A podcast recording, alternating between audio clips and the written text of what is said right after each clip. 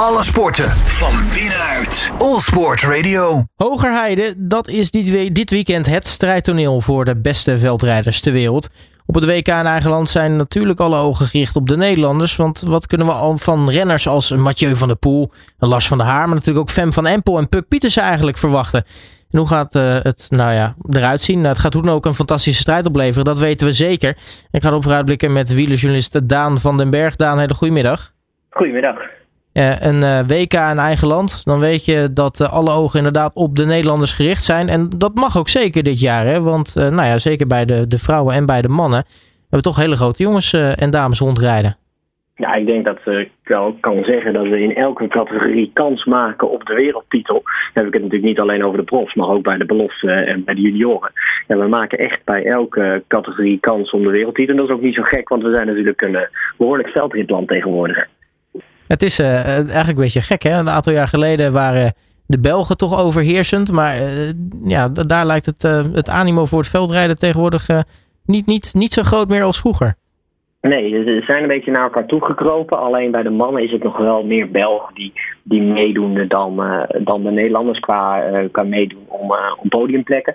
Dat is nog wel. We hebben alleen nog een paar hele ja, ontzettend goede renners. Zoals bijvoorbeeld de Mathieu van der Poel natuurlijk eh, bij de mannen. Maar bij de vrouwen is het echt een Nederlands feestje. En dat zie je bij de nieuwelingen, dat zie je bij de junioren, bij de belofte en eh, ook bij de profs. Ja, ik durf bijna wel te zeggen dat we komend weekend, dan hebben we het over zaterdag, dat de eerste vijf in ieder geval een Nederlands vlaggetje achter hun naam zullen hebben. Dat eh, durf ik wel te zeggen. Dan hebben we het natuurlijk over de, over de vrouwenprofs.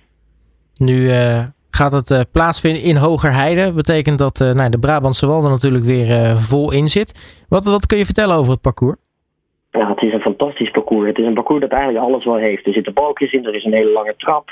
Als het geregend heeft, ligt er modder, er ligt zand. Ja, er ligt echt van alles. En dat maakt het wel eh, heel mooi. Een schuine kant zit er tegenwoordig ook nog in. Het is een heel compleet eh, eh, parcours. Het mooie aan het parcours is ook, er is echt wel over nagedacht over wat maakt het nou echt ja, praktisch en zo. En dat vond ik wel mooi. Ik was er vorige week even om te komen kijken. Er zitten vijf bruggen in. Nou, dat, dat klinkt heel veel, dat is het ook. Alleen het voordeel daarvan is dat het publiek kan dus overal heen lopen zonder dat ze het parcours moeten kruisen. Zonder dat je echt oversteekplaatsen nodig hebt. Waardoor het ook nog eens heel veilig is. Het wordt echt een feestje, want alles is op een, eh, ja, wat is het, een paar kilometer, een paar vierkante kilometer. Dus het wordt één groot feest. Je kan de renners veel zien. En het parcours is eh, heel. eh, het is geen naam of zo. Het is niet qua bergen en zo valt het allemaal wel mee. Maar ja, er is toch wel een beetje hoogteverschil. Nu organiseert uh, Hogerheide natuurlijk al jaren uh, een wereldbeker in het, in het veldrijden. Sterker nog, de UCI heeft volgens mij Hogerheide al jaren uitgeroepen tot best georganiseerde wereldbeker van, van de cyclus. Um, is er nog een, een, een, verandering ten opzichte van dat parcours? Uh, ja, lichtelijke wijzigingen, maar niet hele grote. Het lijkt er natuurlijk wel, uh, wel veel op. Wat vooral uh, in het oog springt, is die ontzettend lange trap die er tegenwoordig in zit.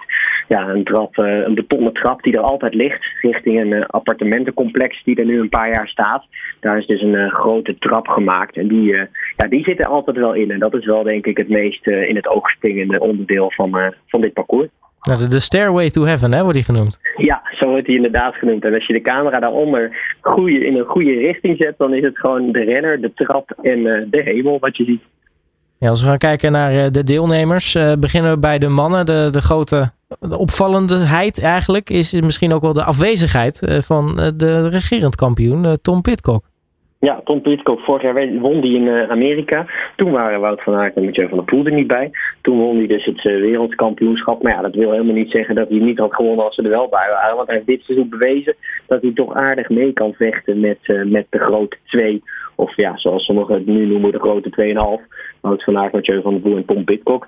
Pitcock heeft een, een paar weken geleden wel duidelijk gemaakt van ja, het wegseizoen is toch zo belangrijk voor mij. Daar wil ik in het voorjaar toch wel ja, echt wel wat dingen laten zien. Dus ik, uh, ik laat het, uh, ja, de, wereldkampioenschap aan mij voorbij laten gaan. Een hoop kritiek op, ah, je bent de regerend kampioen, waarom doe je niet mee? Maar hij had er toch wel een duidelijke uh, mening over. Ja, ik word betaald als weghuurrenner, ik ben weghuurrenner.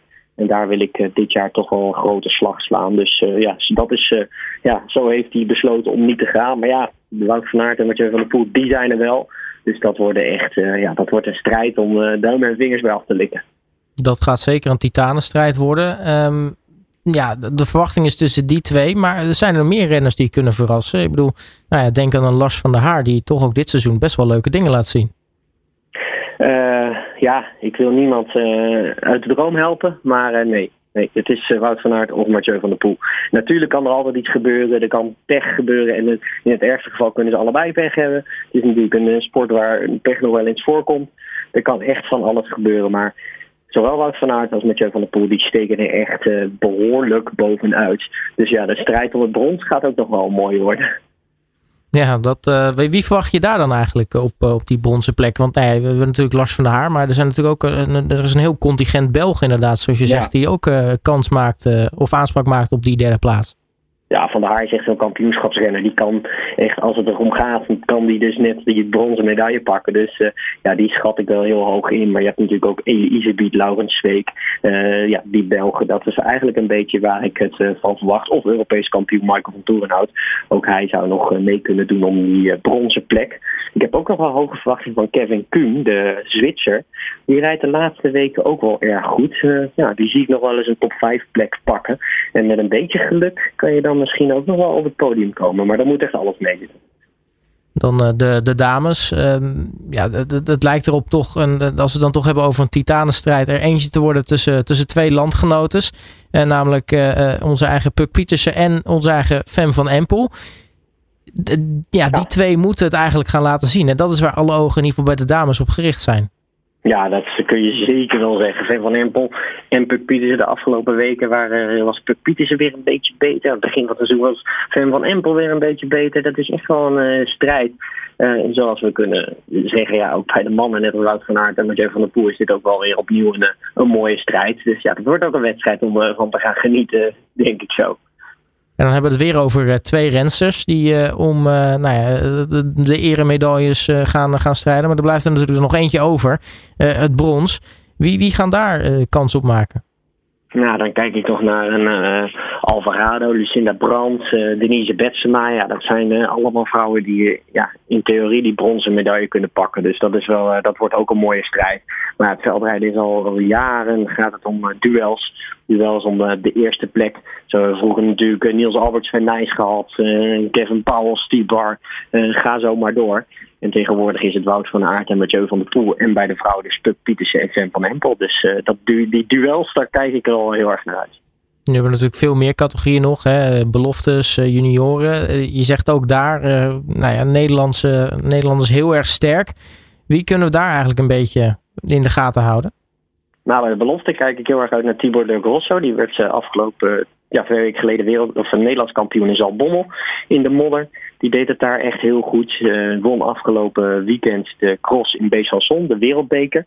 Die moet het wel opnemen tegen Thibaut Nijs. Dat wordt wel een, eh, een, ja, een zware tegenstander. Maar ja, met een goede dag denk ik dat de Grosso heel ver kan komen. We hebben bij die belofte vrouw van Amrooy. Nou, die heeft bij de profs het al bewezen toch besloten om bij de belofte te gaan rijden. Dus die uh, gaat daar nog uh, ja, proberen dat ze die regenboogtrui te pakken.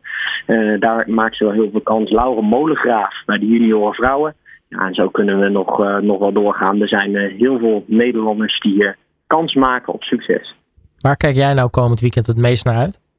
Ja, die twee duels eigenlijk. Fem van Empel tegen Puk Pietersen en Mathieu van der Poel tegen Wout van Aert. Ja, vooral die laatste natuurlijk op zondagmiddag Vijf over drie beginnen ze.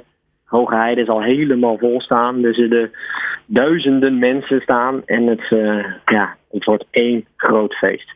Ik hoop dat je er zelf ook wel ergens tussen staat, stiekem, toch? Ik moet morgen om acht uur melden op de Brabantse Wal. En uh, dan ga ik pas uh, zondagavond weer weg. Dus uh, ja, ik, ik heb denk ik na vijf dagen, heb ik, of na vier dagen heb ik genoeg Brabantse modder aan mijn laarzen. Ik ga je in ieder geval heel erg veel plezier en succes wensen daar op dat uh, WK veldrijden. Daan van den Berg, hartelijk dank voor je tijd. En uh, nou ja, heel erg, uh, ja, zet hem op daar. Dankjewel, we spreken elkaar. Alle sporten van binnenuit. All Sport Radio.